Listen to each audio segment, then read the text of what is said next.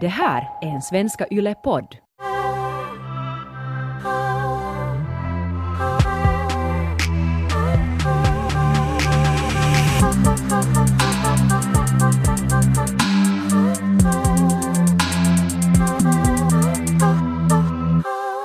När jag var 19 så kom jag på en regel att alltid när jag dejtar någon så måste jag fråga den att vad är dens favoritfrukt? Och sen om den svarar banan, så då är det slut. För, ja, för banan var enligt mig um, den tråkigaste det, det tråkigaste svaret. Det var så basic så jag bestämde att om någon svarar banan så då kommer det inte att gå. Och sen, sen um, så analyserade jag massor att om någon svarar apelsin, det var också ganska vanligt, men att då, då fanns det ännu en chans. Och sen desto konstigare, desto ex, mer exotisk den här frukten blev, så blev jag mer intresserad. Just det. Men jag kan känna att ibland så kanske människor väljer en frukt bara för att de ska låta så intressanta som möjligt. Det kan också vara lite jobbigt. Liksom. Men eh, banan kan ju också vara en eh, mångsidig frukt. Ja, och den är ju en, alltså ett riktigt bra val som mellanmål för den håller hunger och den har skal så det är svårt att få matförgiftning och sådär. Men, men, Men, ja, men det, det är liksom en dealbreaker för dig. Nej, jag har inte frågat det här nu på några år men, men jag minns att då tog jag det här så här jätteseriöst. Och jag brukar alltid så här grilla mina dejtkumpaner. Så här, vet ni, eller vet ni, jag var inte på någon gruppdejt. Vet ni inte att Vet- bananen suger? Nej, gruppdate. Nej men jag kunde inte säga det men jag så, man kan ju inte avslöja att vad som är fel svar. Men jag brukar vara sådär att ja, att jag har ett sånt test. Att vad är din favoritfrukt? Att det finns ett fel svar kan jag berätta det nu. Banan andedräkt till exempel tycker jag att är ganska äckligt. Um, och det leder mig till en grej som är dealbreaker för mig. Och det är om en människa har konstant dålig andedräkt. Det är liksom, eller liksom sådär body odor, men andedräkt speciellt. På något vis sådär att du inte borstar dina tänder. Eller vissa människor har bara så jättestark andedräkt. Och jag tycker det är liksom... Det, det, eh, det är inte OK. Nej, men det är oftast också ett tecken på att ähm, den här typen borde gå till tandläkaren. Ja, exakt. Sådär att, men jag förstår inte sådär att om, man känner ju det på ändå på något vis att om du har dålig andedräkt. Så att om någon, någon människa är så på något vis osjälvmedveten så det känns ju, kan ju vara bra på, med vissa saker. Men sådär att ha sex med någon som luktar illa i munnen. Så det är, det är sån, en sån turn-off. Och det kan ju vara liksom, jag menar, det här är ju en grej som man kanske kan till och med missa lite i början eller så har man dejtat någon så kan det först verka sådär som att nå den har nu luktat lite skit eller den luktar lite skit i munnen nu men åh vad den är söt. Men sen när man har varit tillsammans i tre år och man måste sniffa på den här samma jävla bajsmunnen så det känns nog som att hur ska man bli kåt då? Jag har igen märkt nog att, att om man har då lyckats vara länge tillsammans med en bajsmun så då bryr man sig inte så mycket mer. Då kan man bara säga älskling kan du tvätta tänderna? Eller så Mm. att, att då tycker man, då har man då antagligen blivit så kär i den här människan. eller Just vad det nu... Blivit kär i bajsmunnen? Ja, eller om man, om man... Då är det ju inte en dealbreaker om du har varit tre år med någon. Då har du ju ignorera, ignorera, igno, ignorerat det så länge att, att då, Ronja, men, man har inte ignorerat, man har lidit i tystnad. men då har det ju inte varit någon dealbreaker för dig. Eller är det Jo, här just men- en sån som det- du önskar nu att du ska ha insett att det var en röd flagga och lämna den här människan? Kanske ja, men Okej. jag, jag måste nog säga att, att jag har nu inte så mycket erfarenhet med den här grejen just men det känns som en grej som om jag skulle vara med någon som bara alltså, har på riktigt kroniskt dålig andedräkt och inte gör något åt saken så det är nog en dealbreaker. För att hur, jag vet inte Nej, jag, jag, jag skulle inte kunna vara tillsammans med en sån människa. Men jag tycker också att, att om man tycker att någon luktar hela tiden illa så då tycker man nog inte om den. Och det brukar man nog märka, eller jag har nog märkt sånt uh, ganska i början av förhållanden, eller just i datingskede. Och jag minns att, att jag har dejtat en typ någon gång som hade så dålig andedräkt att, att jag hade så obehag om han försökte gå ner på mig. För jag tänk, tänkte bara så här, nej usch att, att att eftersom det var så svårt redan att, av att njuta av att kyssa honom så var jag såhär usch att nu går den där stanken nej. Att det kändes sådär ohygieniskt att han går liksom... Så helt ny definition på stank pussy. Ja, att han går och andas in någon äckel på mig. Ja, Åh. alltså, ja och sen är det ju, jag menar det är ju inte bara den äckliga luft, eller liksom lukten. För att jag menar om jag älskar någon och den skulle lukta jätteilla så då skulle jag säkert vet du vara såhär men hej älskling att nu ska vi gå till den där bästa tandläkaren, nu ska vi fixa liksom alla redskap så du kan skrapa din tunga, du ska eh, använda tandtråd och så här. Men sen en sån här människa som är så här omedvetet bara liksom inte, som, som, som ska vara helt in denial att den har dålig andedräkt och inte någonsin ens tänker på det. Och bara kommer sådär tala jättenära. Och för vissa människor är sådana att de bara liksom de kommer att tala så jävligt nära, typ så här blåser på en och är jättejobbiga. Och, och sen är det ju jobbigt att hur säger man så där, att du luktar jätteilla från munnen. Mm. Så min taktik brukar vara att så här, titta åt ett annat håll när den talar med mig tills den är sådär att va, va, vad är det? Ah, luktar jag illa från munnen? Men det är svårt. Ett sätt som man också märker lätt att om någon har dålig andedräkt är att, att umgås väldigt nära den. Till exempel man får på bio med någon. Så här, dejta någon, man har de- dejtat ett par gånger och sen får man på bio.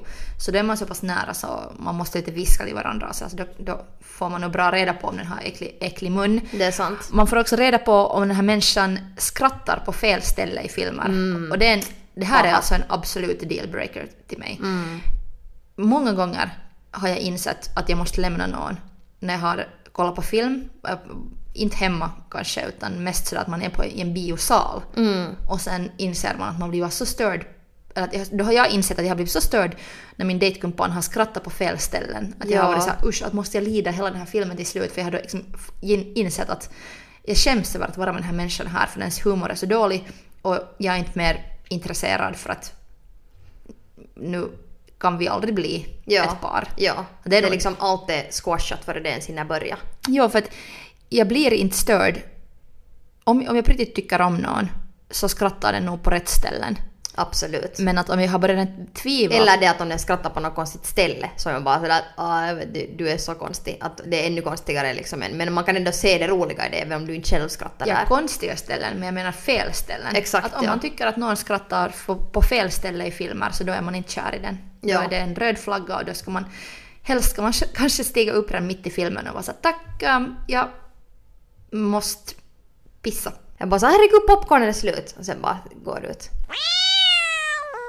En dealbreaker som nog skulle breaka dealen redan liksom före den ens hinner börja och det är ju eh, något som jag har talat mycket till dig om Taiko det, det, det är svårt för mig. Men det är ju då en man bun. Ja. Och det är då alltså när man har en liten ponnysvans eller en, eh, en knut på huvudet. Men du har rackat bort allt liksom. Du har bara en sån här liten strand där. Typ på, på liksom toppen av ditt huvud. Men allt annat är rakat bort.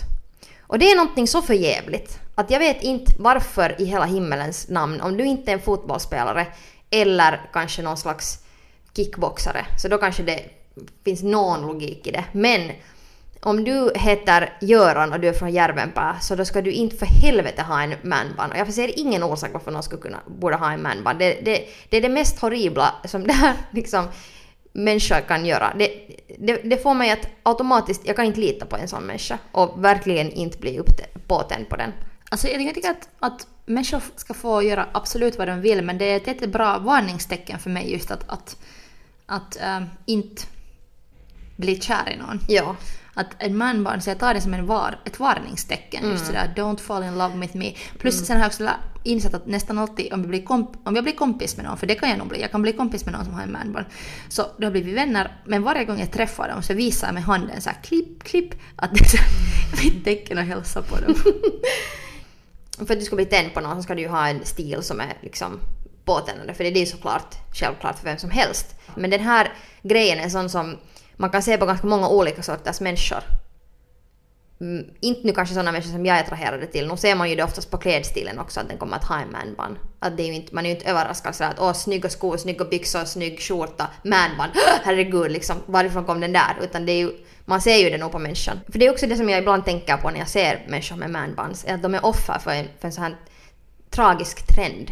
Och de har liksom klippt håret och tänkt att, att det här är nu det här coola och det här är nu det här som kommer att, ja, det här är min identitet. Och jag tycker inte synd om dem för att de inser ju inte hur dumma de ser ut. Så. Men det är en dealbreaker för mig. Jag menar du ser ju på mig Taika att jag är jättetriggered av Ja, det du här är nu. hemskt triggered. Jag tänker föreslå till din eh, pojkvän att han klär sig till en manbun på halloween så ser vi vad som händer. Okej, om du inte diggar manbun så jag har nog en, en dealbreaker som eh, jag har jättesvårt att komma över. Jag har många gånger faktiskt försökt. Och i princip kanske jag just nu också försöker för att jag inser nu att jag lever i ett förhållande där den här dealbreakern ibland tas fram. Och det är då alltid alltså att om man har hatt. Jag har Hurdan hatt? hemskt svårt för hatt. Ja, Um, hattar kan ju, alltså fedora är ju en, en eh, klassisk hatt faux pas. Ett misstag. Men hurdan, hurdana hattar? No, en, gång, en gång så insåg jag just att, att nej, när min dejt hade Fedora. Men Ja. han skrattade också på fel ställen på filmer och han hade konstiga bälten så det var många grejer där. Mm, där, mm. Um, men, och manbun. Han hade manbun. Han hade, såklart att han hade det. Han hade Fedora och manbun. Mycket saker. Och många bälten. Det var mycket som hände. Stackars, oj vilket... Vi Många röda borde flaggor. skicka Fab Five till hans hus. Men, ehm, men alltså, jag måste alltid lite vänja mig. Men jag tror det handlar med hatt mest om det också att, att jag har många gånger försökt själv ha hatt. Just det. Och varje gång jag försöker ha hatt så sen känns det till slut bara att, att det här är onödigt, att det här är för mycket nu. Och sen måste jag ta bort den. Mm, Och varför känns det för mycket? jag vet inte, det känns alltid som en sån där konstig roll. Mm. Här extra roll. Att man, Alltså, lite, så att man lite le- spelar någon roll. Här är jag, med min hatt. ja, Det är ju lite fånigt nog. jag klarar inte riktigt av det och sen, sen jag alltså det värsta jag vet, eller kanske för att försöka vara ens lite diplomatisk här så, det är inte det värsta jag vet, men det, det bara inte fungerar för mig. En sån här um, keps som är så mjuk, sån här golfkeps, vad Ah, heter ja. det? Sån här, Alltså sån sån här um, papparajskeps. Ja, Old alltså. man keps. en sån här keps som är liksom, no, ni vet den där, sån här golfkeps. Så såna här maffiabossar blir gamla så har de en sån här mjuk Alltså det är nog paha. Det, det är lite samma kategori som manbun, det är inte lika farligt för mig men det är också sådär att jag vet inte hur jag ska kunna lita på det om du har en sån keps. Men jag kanske är i en liten hattrehab nu för att uh, nu sällskapar jag då med, med, en, med min pojkvän som har baskar ofta och han älskar sin baskar. Eller är det en berett, jag vet inte, någon där. Och eh, det är ju också en hatt. Men att jag lär mig.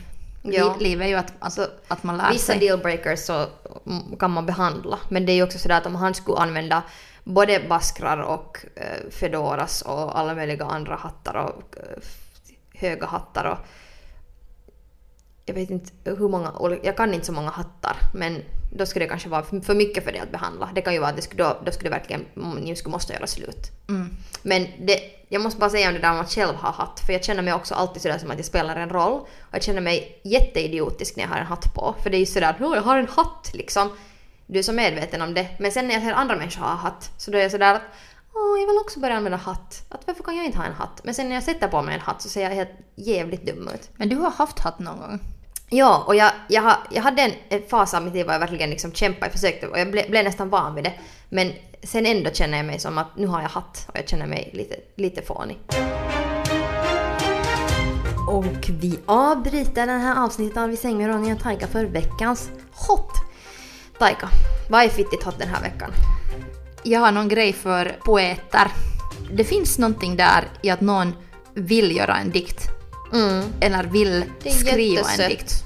It's very cute. Jag menar en dikt kan ju vara en sång, en Mm. text, någon form av skrivande. För att det kräver... Att skriva en dikt kräver sån sorts tänkande som jag tänder på. Så att skriva, Mm. Det är hot. Skriva dikter, det är hot. Mm, dikter. Min veckans hot ehm, är ett redskap för fittbärare. Eh, det har en revolutionerande teknik inom uh, sexleksaker och det är en leksak som använder ljudvågor istället för vibrationer som stimulerar då klitorisen. Så det är inte liksom någonting som egentligen rör i ditt, din klitoris men det är ett munstycke som då i princip gör att det blir mindre friktion och intensiva orgasmer. Den är så bra till så många saker. Uh, ljudvågor så kan den i princip uh, fast sjunga lite Justin Bieber in i min fitta, eller? Den jag har kan inte göra det, men jag tror att, jag menar man borde ju typ fixa en liten USB-grej dit så att det skulle gå, för det skulle vara fantastiskt. Mm, sexleksak med ljudvågor. Och tillbaks till podden. De här är ju alla saker som man kan genast se på den andra.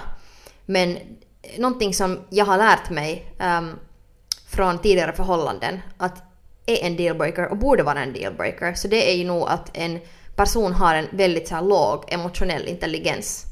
Det vill säga att den har en massa grejer som den inte riktigt vet varifrån de kommer. Den, kan, den har liksom, du blir den där människan som den måste sådär uh, gå igenom hela sin barndom med och vad som har gjort, till att, gjort det att den är en sån mega douchebag nu. Att liksom det är någonting, jag menar jag tycker inte att det behöver vara någon akademiker, jag förväntar mig inte att en människa ska vara sådär världens smartaste uh, sådär på en sån här, vet du, såhär bo, boksmart. Det bryr jag mig inte egentligen så mycket om. Men om du har låg intelli- emotionell intelligens, så det är en motherfucking dealbreaker. För det har varit så jobbigt i så många förhållanden. Jag förstår. Och det är ganska svårt ibland att, att uh, fatta först om någon har låg emotionell intelligens. sant. För att man kan, om, man först träffar någon och är på hemmafester och lite så här, så kan man bara tänka att ah, kanske lite kaxig eller kanske det är den- den staffatta sätt att flirta eller så här, så här, um, så här uh, störd är jag. Att, att jag bara så här, hmm, jag blir nästan intresserad just om någon är lite emotionellt, emotionellt off. Just det, den är lite kanske småfittas eller är lite sådär o, okänslig på något vis. Ja. Mm. Så det kan till jag kan, ofta kan jag, eller, eller det här kan alltså, ofta har det där kanske varit en sån röd flagga som jag blir attraherad av. Jag inser att det här var nu, att det här är ganska fittigt, men sen blir jag liksom kåt på det där. Ja, att, samma. att jag ser den hemskt. röda flaggan. Ja. Det, det är så dumt, men det är också, jag tror att när en människa har en väldigt låg emotionell intelligens så när den inte förstår själv varför den är på ett visst sätt, varför den eh, liksom, då har vissa responser till liksom hur den mår eller hur den reagerar. För den lever ju i en helt annan verklighet och sen när den här människan kan svara med en respons som är så här, låter jätteövertygande. Alltså men vadå, liksom, att jag måste ge mig tid, jag måste få behandla saker vet du, långsamt och, och, och visst vet jag vad du talar om och det är du som förklarar dåligt och det är du som nu är hysterisk eller sånt. Så då, då har- jag ofta blivit så övertygad att oh shit, shit liksom att sorry.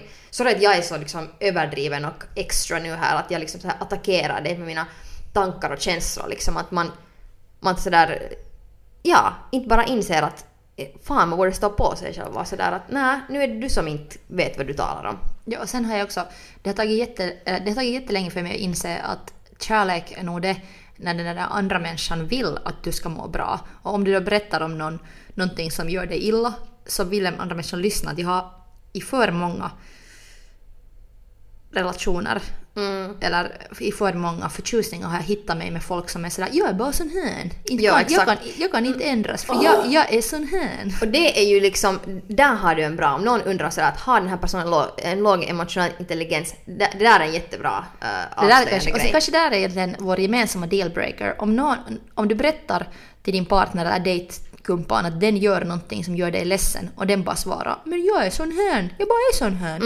Så run Forrest, Ja, run! spring till bergen, alltså verkligen. För att jag menar, även om jag har många saker som jag kan vara sådär att nej, men vet du, jag är en sån person som är fast känslig eller jag är intensiv eller så här. Så jag är ju ändå inte, jag skulle inte liksom någonsin använda det som ett argument när någon annan berättar för mig att den mår dåligt eller att jag har nog gjort någonting illa mot dem. Ett annat bra tips eh, hur man kan eh, då avslöja en jättelåg emotionell, inte- emotionell intelligens är det att om man märker att man börjar ha liksom samma diskussioner sådär jättemånga gånger och det att du måste alltid liksom förklara liksom så tydligt och på så många sätt att det är jättesvårt eh, att på något vis få din point fram och att den inte bara liksom förstår det och vill förstå det. Så då vet man att okej att... För du måste ju kunna få berätta en sak och bara säga som det är och sen ska den andra lyssna. Så som med alla grejer. Och inte så att du måste förklara om och om och om och om och om och om igen. Så det är ett bra tecken också att veta. Men det här är också en grej som är väldigt vanlig bland killar och det är ju också på grund av sådär toxic masculinity och det är inte alltid så lätt heller men om man orkar så kan man ju försöka behandla det men med många människor så kan det bli bara sådär, det är bara omöjligt. En eh, dealbreaker som jag har på min lista är att män som talar skit om kvinnor. Men det här är tyvärr en dealbreaker som jag inte har kunnat hålla. Eller jag måste bara... Jag har måste inse att alla män jag någonsin har varit förtjust i så har talat skit om kvinnor. Att de har lärt sig, eftersom vi lever i den värld vi lever, så till och med de bra typerna, och nu visar jag så här citationstecken med mina händer, till och med de bra typerna så, så är ofta ganska misogyna. För att de har lärt sig så. Och där har jag måste skärpa mig verkligen för att inte lämna varenda man som inte, som, som till exempel, alltså jag har dejtat så många som har varit någon så här metoo har gått för långt eller någonting och då har jag tagit det som en dealbreaker. Mm. Men det har inte funkat för mig för då skulle jag inte haft någon datepartners kvar. Ja för det är så vanligt ändå. Ja, så då har jag måste ta ta en, en, eh, den här dealbreaker, det här är kanske min så bubbling under dealbreaker, jag, jag inser att det är en röd flagga och sen blir jag alltid så utmattad för då måste liksom, då, mm, då är det att då måste man använda så mycket energi på att lära den här andra, andra typen om, om hur det känns att vara kvinna och, Mm. och hur det känns att, att inte bli behandlad rättvist. Jepp.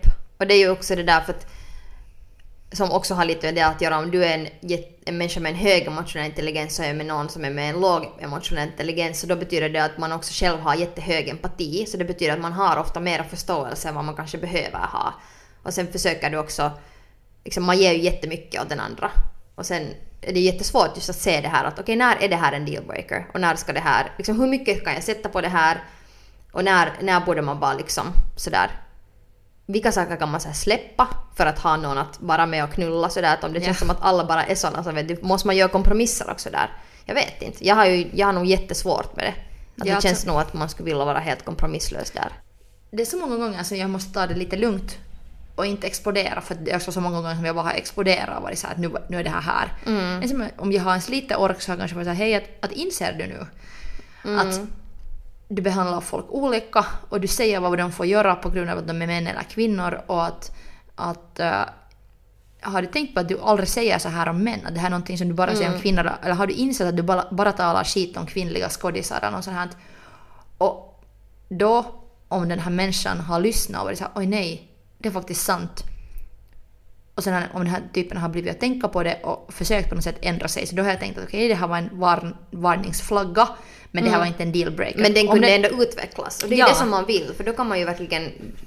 Och det där låter ändå som att det har hänt någonting, någon har sagt någonting som är disrespectful. Men sen säger man att hej, att, har du tänkt på det här och att det här, de här grejerna relaterade till att vad det, vad det beror på att du liksom talar så här. Och sen funderar den på det och sen hoppeligen så liksom börjar det utvecklas och den gör inte på nytt. Så det är ju en jättebra grej. Att det liksom orkar jag med. För till exempel min kille har nog också ibland bara vissa sådana killgrejer. Men sen så har jag då istället för att just genast explodera som jag ofta då, att man blir så fucking triggered och sådär att ah fuck. Så har jag bara varit sådär, just sådär som du sa att hej att, att, att eh, det här känns jättejobbigt för att liksom, du reagerar på det här sättet och det är jättetoxic på grund av de här grejerna och att, att det är liksom helt okej att reagera så. Och sen, sen eftersom det är en lugn diskussion så sen kan han också vara lugn och förstå och vara sådär att okej. Så då brukar han ofta tacka mig för att jag sa det på ett lugnt sätt och att vi, det var mer sån här matter of fact istället för att jag skulle bli jättesårad också till exempel och, och bli jätteledsen för då är det ju så svårt att liksom, kommunicera på ett lätt sätt. Men man får ju också bli upprörd och sårad och triggered. Det ska inte vara så att vi tjejer ska vara i heteronormativa förhållanden. Den som är alltid så här lugn och förklarar saker är jättebra, killarna får explodera. Men det kan ju vara bra ändå för kommunikationen att hållas lugn. Jag har skrivit den här eh, på min lista av dealbreakers som en lite så här bubbling under dealbreaker för att, Ja. för att ehm, Du har inte ännu avslutat förhållande på grund av det här. Mm, Ja. ja. om den här människan gör dålig konst. Ja, Alltså, för det är så svårt, eh, det är så svårt och, och om man är kär i någon, om man är, och nu, ska om man vi, är, nu låter vi som jätte så här elitistiska konstnärer här. Men, och det är vi ju! men, men jag menar, det är så svårt att vara tillsammans med någon ehm, om man inte tycker om det den gör. Ja, och det kan ju vara, gälla vad som helst. För då försöker jag ändå alltid stödja den andra typen, men om den verkligen alltid bara vad den gör är skit, ehm, så det är jättesvårt att, att sen inte säga det. Ja. Men jag har märkt, och det här är helt hemskt, men jag har märkt att desto snyggare den här partnern är, så desto sämre konst får den göra. Och därför, därför har jag varit tillsammans med en massa typer som har varit riktigt snygga, men ganska dåliga på det de gör. Mm. Och sen är det ju svårt för att du är så jävla bra på vad du gör så den där standarden är det liksom det är svårt att uppnå det. Det är ju det som är svårt när man själv är så genial. Så sen, hur ska de komma upp, komma upp till den här nivån? Det är, Det är svårt. jättesvårt. För Det- det, det, mm. alltså det var samma när jag dejtade en typ som då liksom eh, tyckte hemskt mycket om att sjunga. Men just någon gång så brukar han sådär i början av förhållandet sådär titta på mig i ansiktet och vara bara sådär I'm on a highway to hell och så sjöng jätte, så jättejobb. Det var liksom så embarrassing för mig för att A. det lät så dumt och B. titta inte på mig i facen när du sjunger. Och sen bara liksom jag visste inte vad jag skulle göra för att jag ville bara att det skulle ta slut. För att, jag menar, det är ju hemskt att säga sådär att du får inte sjunga, eller klart att jag inte tycker det. Men sådär att om du, håller, om du sjunger jättedåligt och jobbigt och sådär lite sådär fånigt. Så för mig som sångare nu, det, kan, det här kan ju låta hemskt nu men det, det är ju liksom, blir lite cringeigt för mig.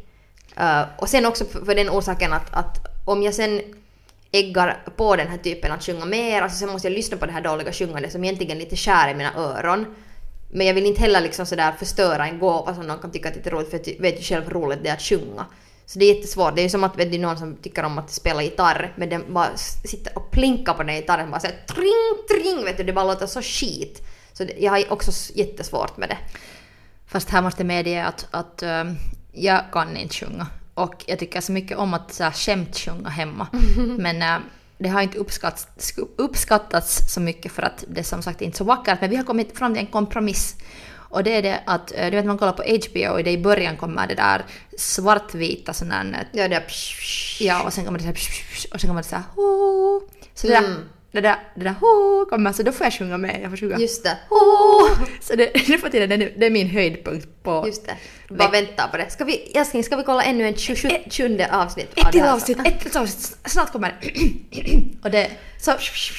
Det är bara ett tips Ronja att nästa gång mm. din partner eller nästa gång du har en sån situation att du måste säga till någon att snälla sjung inte så du kan säga att hej, ska vi göra så här att den enda gången du sjunger så HBO. Jag vet inte mm. hur bra det funkar men det har funkat för mig. På tal om cringiga grejer så jag inser nu att det här nog är en dealbreaker för mig. För att det är vissa sådana saker som en människa kan göra som är så otroligt irriterande att du bara inte kommer över det. Och en, en sån grej har varit det att, att, att när man talar så flaxar man med uh, näsborrarna. Ja, jag tänkte med ögonen där. Näsborrarna? Hur kan ja. man, hur kan man vissa människor när de blir hemskt upphetsade, när de, alltså inte i sängen men när de talar, så börjar de flaxa med näsborrarna. Jag har aldrig märkt det här. Det finns vissa människor som gör det. Det är säkert någon slags genetisk uh, mutation. Men um, vissa människor gör det. Och jag, och, och jag märkte det här med en typ på första dejten. Och jag var gärna sådär att nej, gud vad jobbigt. Men det var ju såklart annars så trevligt så sen blev det ett förhållande av det. Men den där näsborrsgrejen var alltid lika fucking irriterande. Och sen insåg jag ju senare att, att ja, nu var ju den här näsborrsflängande liksom en grej som aldrig... Det var inte där som att allting var fantastiskt från början och sen plötsligt sket det sig utan det fanns grejer från början som avtände mig. Så det var ju redan ett frö som fanns där som sen växte in till en massa andra saker. Men näsborrsflängning är förvånansvärt allvarligt. Alltså, så. skulle jag ha en alls... All, min näsa är jätteliten, men skulle jag ha en all, alls en större nos så skulle jag nog vara sån där. För att jag, jag börjar jätteofta göra med min näsa grejer. Men du har kanske inte märkt det för att Nej men det är cute, det är inte störande. Det, det är inte sådär vet du, för, jag vet inte varför den näsborrsflängande är så extra irriterande. Men det, det är kanske också det att en människa kanske får en viss, en viss ton och den an, liksom ändrar på sitt kroppsspråk när den börjar tala om någonting som det blir sådär besserwisser och liksom sådär äh, jävla på något vis sådär störande. I get it, I get it. Ja, så det, det är nog en dealbreaker också. Jag har en som är ganska livsviktig. Okej. Okay. För att att kunna Heimlich-metoden? Det, det, är nog en, om du inte kan, alltså det här är någonting, förlåt jag avbryter dig, Taika, hijacka här snabbt, men om jag har sån eh, skräck för att alltså storkna att en människa måste kunna Heimlich-metoden för att vara tillsammans med mig. Kan din nuvarande pojkvän det här? Han säger nog att han kan det, ja. Upp till bevis säger jag. Ja. Um, men en livsviktig dealbreaker för mig är att om människan jag dejtar inte tycker, liksom, om den inte visar intresse för att laga mat så kan vi inte vara tillsammans. För att jag har inget intresse av att laga. Jag säga att men Taika du kockar ju inte själv. Ja grejen är just den. Fast jag har, på senaste tiden har jag faktiskt det. Det har varit jätteroligt så jag har en okay. liten, liten period av att, att jag tar ansvar som människa. För att jag har fått feedback från min partner att det inte kan alltid vara så att jag bara ligger på golvet och dricker vin och han lagar mat. Just det. Jag tyckte, ja. det, jag tyckte det funkar riktigt fint men men nu har vi gjort en del att båda måste laga mat och jag faktiskt lagar riktigt goda grejer. Mm. För jag är ganska bra sen när jag måste vara bra på någonting. Men, så brukar det äh, ofta vara. Men alltså, ja, jag, har, jag själv har jag alltså inget intresse av att laga mat, jag tycker inte så hemskt mycket om det och jag är inte världens bästa på det. Så jag har försökt vara i förhållande med folk som är som jag och det går inte så bra. Mm.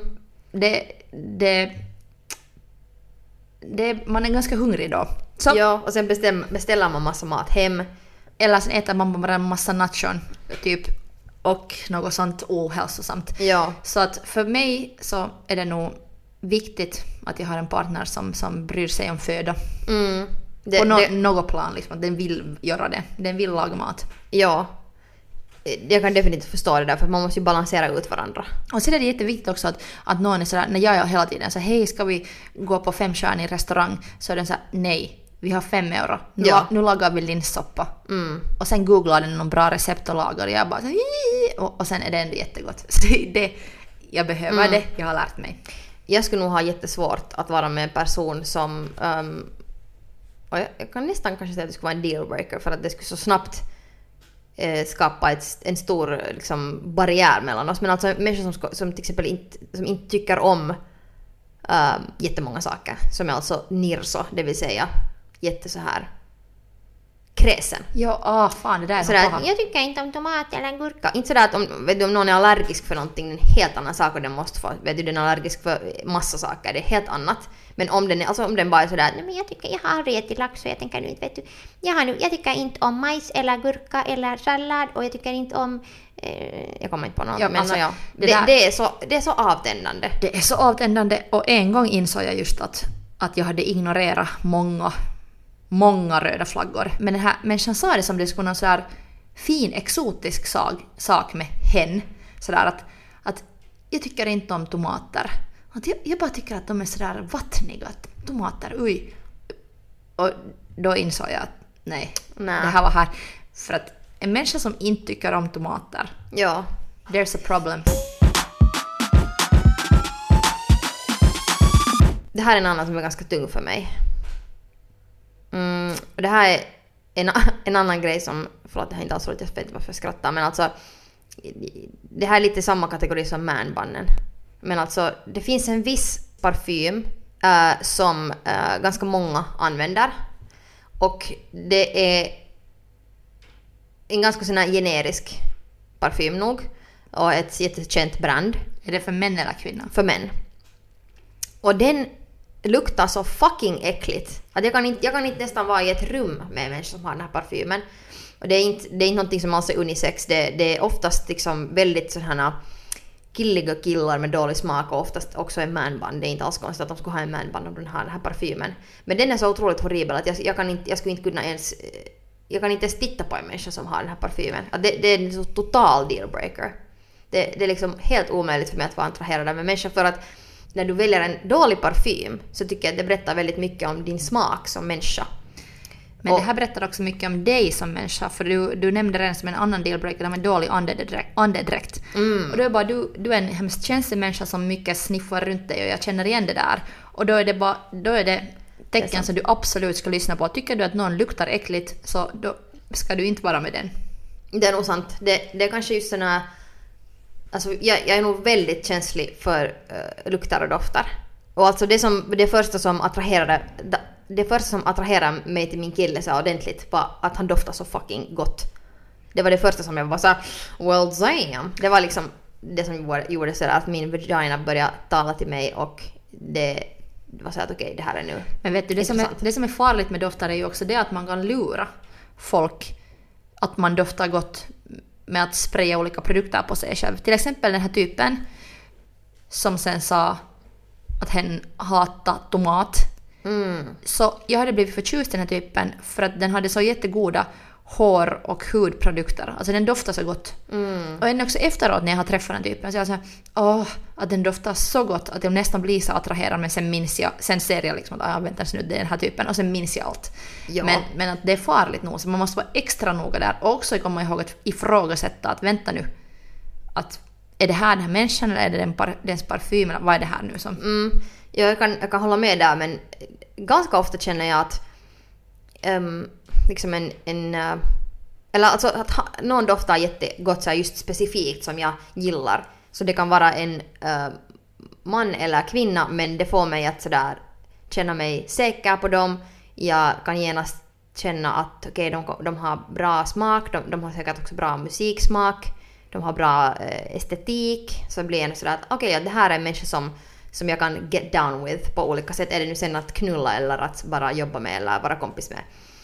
Men jag, jag skulle vilja våga påstå att om jag skulle ha en rad med människor på rad du ska ha en rad med människor på rad. Ja. En, Om jag skulle ha en rad med människor på rad, alltså kanske till och med en kö av människor som skulle köa till dig. det skulle vara det bästa. Nej, men alltså om det skulle stå några människor på rad eh, och sen skulle de alla då ha varsin parfym på. Så jag skulle vilja våga påstå, och det här måste vara deras riktiga, inte så att någon har lurat mig och sprayat randomist i någonting på dem, utan att de har sina egna dofter. Att jag skulle kunna bestämma sådär vilka människor som jag kan relatera till och vilka människor som jag, skulle, som jag tycker att är heta. Och sen skulle de, när jag tar bort min blindfold då, Ja, alltså du, du ska ha en jag rad- glömde att säga det. Det glömde du. Men okej, så du har ögonen fastbundna med någon sjal. Exakt, ja. Och så har du folk, folk framför dig som doftar alla till sin egna doft. Och sen ska du få sni, sniffa på dem. Mm. Så då påstår du att jag kan säga att om det kommer att vara en människa som jag tycker att är nice. Jag kan, jag kan säga allt om den här människan från ens doft. "Ah, jag har nog blivit förtjust i människor som är farliga för mig eller fel för mig eller eh, inte alls för mig bara för att de har doftat på ett visst sätt. Mm. Så jag, jag kan nog inte alls, alls vara i samma experiment med dig. Mm. Jag har blivit många gånger lurad Vi håller dig inlåst i en städskrubb. Ja. En eh, absolut dealbreaker för mig är att jag, jag kan inte vara med någon som inte läser böcker. Och eh, det här är så här... Jag känner mig jätteträffad nu. Men, men att... Ronja, du har ju ändå läst böcker. Det är sant, du, har, ja. du har en fas nu att du inte läser, jag är orolig för dig, men vi ska nog få dig att läsa igen. Och jag ska- säger inte det här nu bara för att säga det men jag är alltså på, på väg att köpa en bok efter det här för jag har nu bestämt mig att jag måste börja läsa du igen. måste börja läsa och det är viktigt för din hjärna och, och för ditt liv. um, och för mig. Men, men um, Men okej, du kan inte vara med någon som inte läser och inte har läst och är ungefär sådär att Nej men jag har typ läst, jag läste på högstadiet, Jag- du, på jag har- måndagstimmen. Jag har läst Zlatans biografi, så nog en bra bok, jag har den i boklådan. Men att om man bara har läst den, och det är typ den enda boken man äger, så då är du inte, inte mitt livs kärlek. Ja, för att... Jag har tycker du att det säger om en människa? No, alltså jag har faktiskt försökt. Jag har verkligen försökt. Sådär för mycket försökt. Försökt förstå. Äh, nej, utan jag har försökt dejta människor som Ah, inte läser. Jag har blivit kär i många typer som inte har ägt en enda bok. Sådär att, att Ah, ja. de, har, de har kanske någon gång läst någonting men, men jag är inte helt säker om de ens har. Och sen har de liksom inga böcker i Är sin det de här lägenhet. skatarna? No, det är de ja. Men- sorry skatare. Men vi får nu inte hacka ner på alla skatare för det Nej, finns, det finns säkert jättemånga som läser böcker också. det finns till. Det fa, fa, finns. Det Mm. kanske så här, det finns till och med. det är kanske ett par där som... En, två. Nej, det finns nog... Det finns, jag känner en massa bra skatare som eh, läser en massa bra Ja, ni böcker. kan skriva in till programmet om ni skater och läser Ja, så kan men ni få en kram. tyvärr har jag då inte blivit kär i de skaterna som läste. Mm. Men ja, så, så det blev till slut omöjligt för mig att vara tillsammans med folk som inte läser för att det är så viktig grej för mig. Och, och jag älskar att diskutera om böcker. Jag, och för mig, något av det mest bästa jag vet är att ligga med min partner på soffan eller Mm. på semester i en park eller någonting och sen läser båda. Det är någonting som ger mig trygghet och lugn. Och Det sen är att vi kan så också, mysigt. och sen att vi kan diskutera om det vi läser och sen också det att, att eh, jag har massa hål i min allmän, allmän eller luckor i min allmänbildning men, men eh, jag är hemskt intresserad av att lära mig och jag älskar det också fast jag har svårt för mansplaining så älskar jag ändå det om någon vet en massa grejer som den kan berätta till mig. Jag vill gärna lära mig. Mm, absolut. Att om det är mer sån här... Ja, Ja, om det är något som är nytt för en så då är det såklart inte att mansplaina. ja. Ja. Hur är det, finns det någon såna, eh, någon stils böcker som du tänker att om någon nog läser, men läser typ någonting jättefånigt, så kan det då vara lite sådär att aha okej du kollar på sådana, och du, alltså, du läser sådana böcker, nu litar jag inte på dig. No, alltså... Eller att man har skitsmak. Min, eh, min nuvarande pojkvän har snöat in sig pun intended, på bergsklättringsböcker, alltså berg, bergbestigningsböcker. Han läser en massa Aha. böcker om så hur folk har bestigit Mount Everest och annat. Gud vad specifikt. Ja, och jag tyckte först att det var lite sådär konstigt för att han verkligen, det var en period där han bara läste sådana böcker. Han är inte en person som jag heller tänker sådär att han kommer att få klättra ett berg. Men minns du när jag berättade... Nej, Kanske inte. Men jag minns då när jag berättade att han, han, att han lärde mig, eller han berättade den här informationen att de flesta som bestiger berg så dör först på vägen ner. Att de klarar sig dit upp, men sen när de försöker komma ner så dör de. Och då, då tyckte jag att det var en ganska fin metafor till livet. Att de bara liksom presterar, presterar och försöker nå någonting, så kanske till och med når det, men sen dör du på vägen ner. Just det. Anyway, så han har läst de här bergsklättringsböckerna jättelänge och först var jag så här, "Åh, så tråkigt, jag är så intresserad. Men senast vi var på semester tillsammans så läste jag en av de här böckerna. Och den var så bra! Och jag blev helt så det var så intressant. Det var å- 96-året då, då folk dog, en massa människor dog tragiskt på Mount Everest. Och det var en så bra skrivet och spännande bok eh, så jag blev helt så att jag måste nu börja lära mig om bergsbeklättring mera. Bestigning. Bestigning. Så då hade jag ju fördomar och lärde mig att någonting som jag inte hade riktigt förstått eller haft intresse för så blev plötsligt hemskt inspirerande. Just det. Och det var ju ett bra exempel på det att, att man ibland kanske är lite för i sin egna bubbla. Att jag läser bara så här, typ erotiska noveller och sen läste jag en bergsbeklättring, bestigning. Bestigning. Och det var liksom ingen sex där. Nej, exakt. Men ändå njöt jag mycket av den boken. Hur många man knullar om man bestiger ett berg? Liksom knullar man då eller?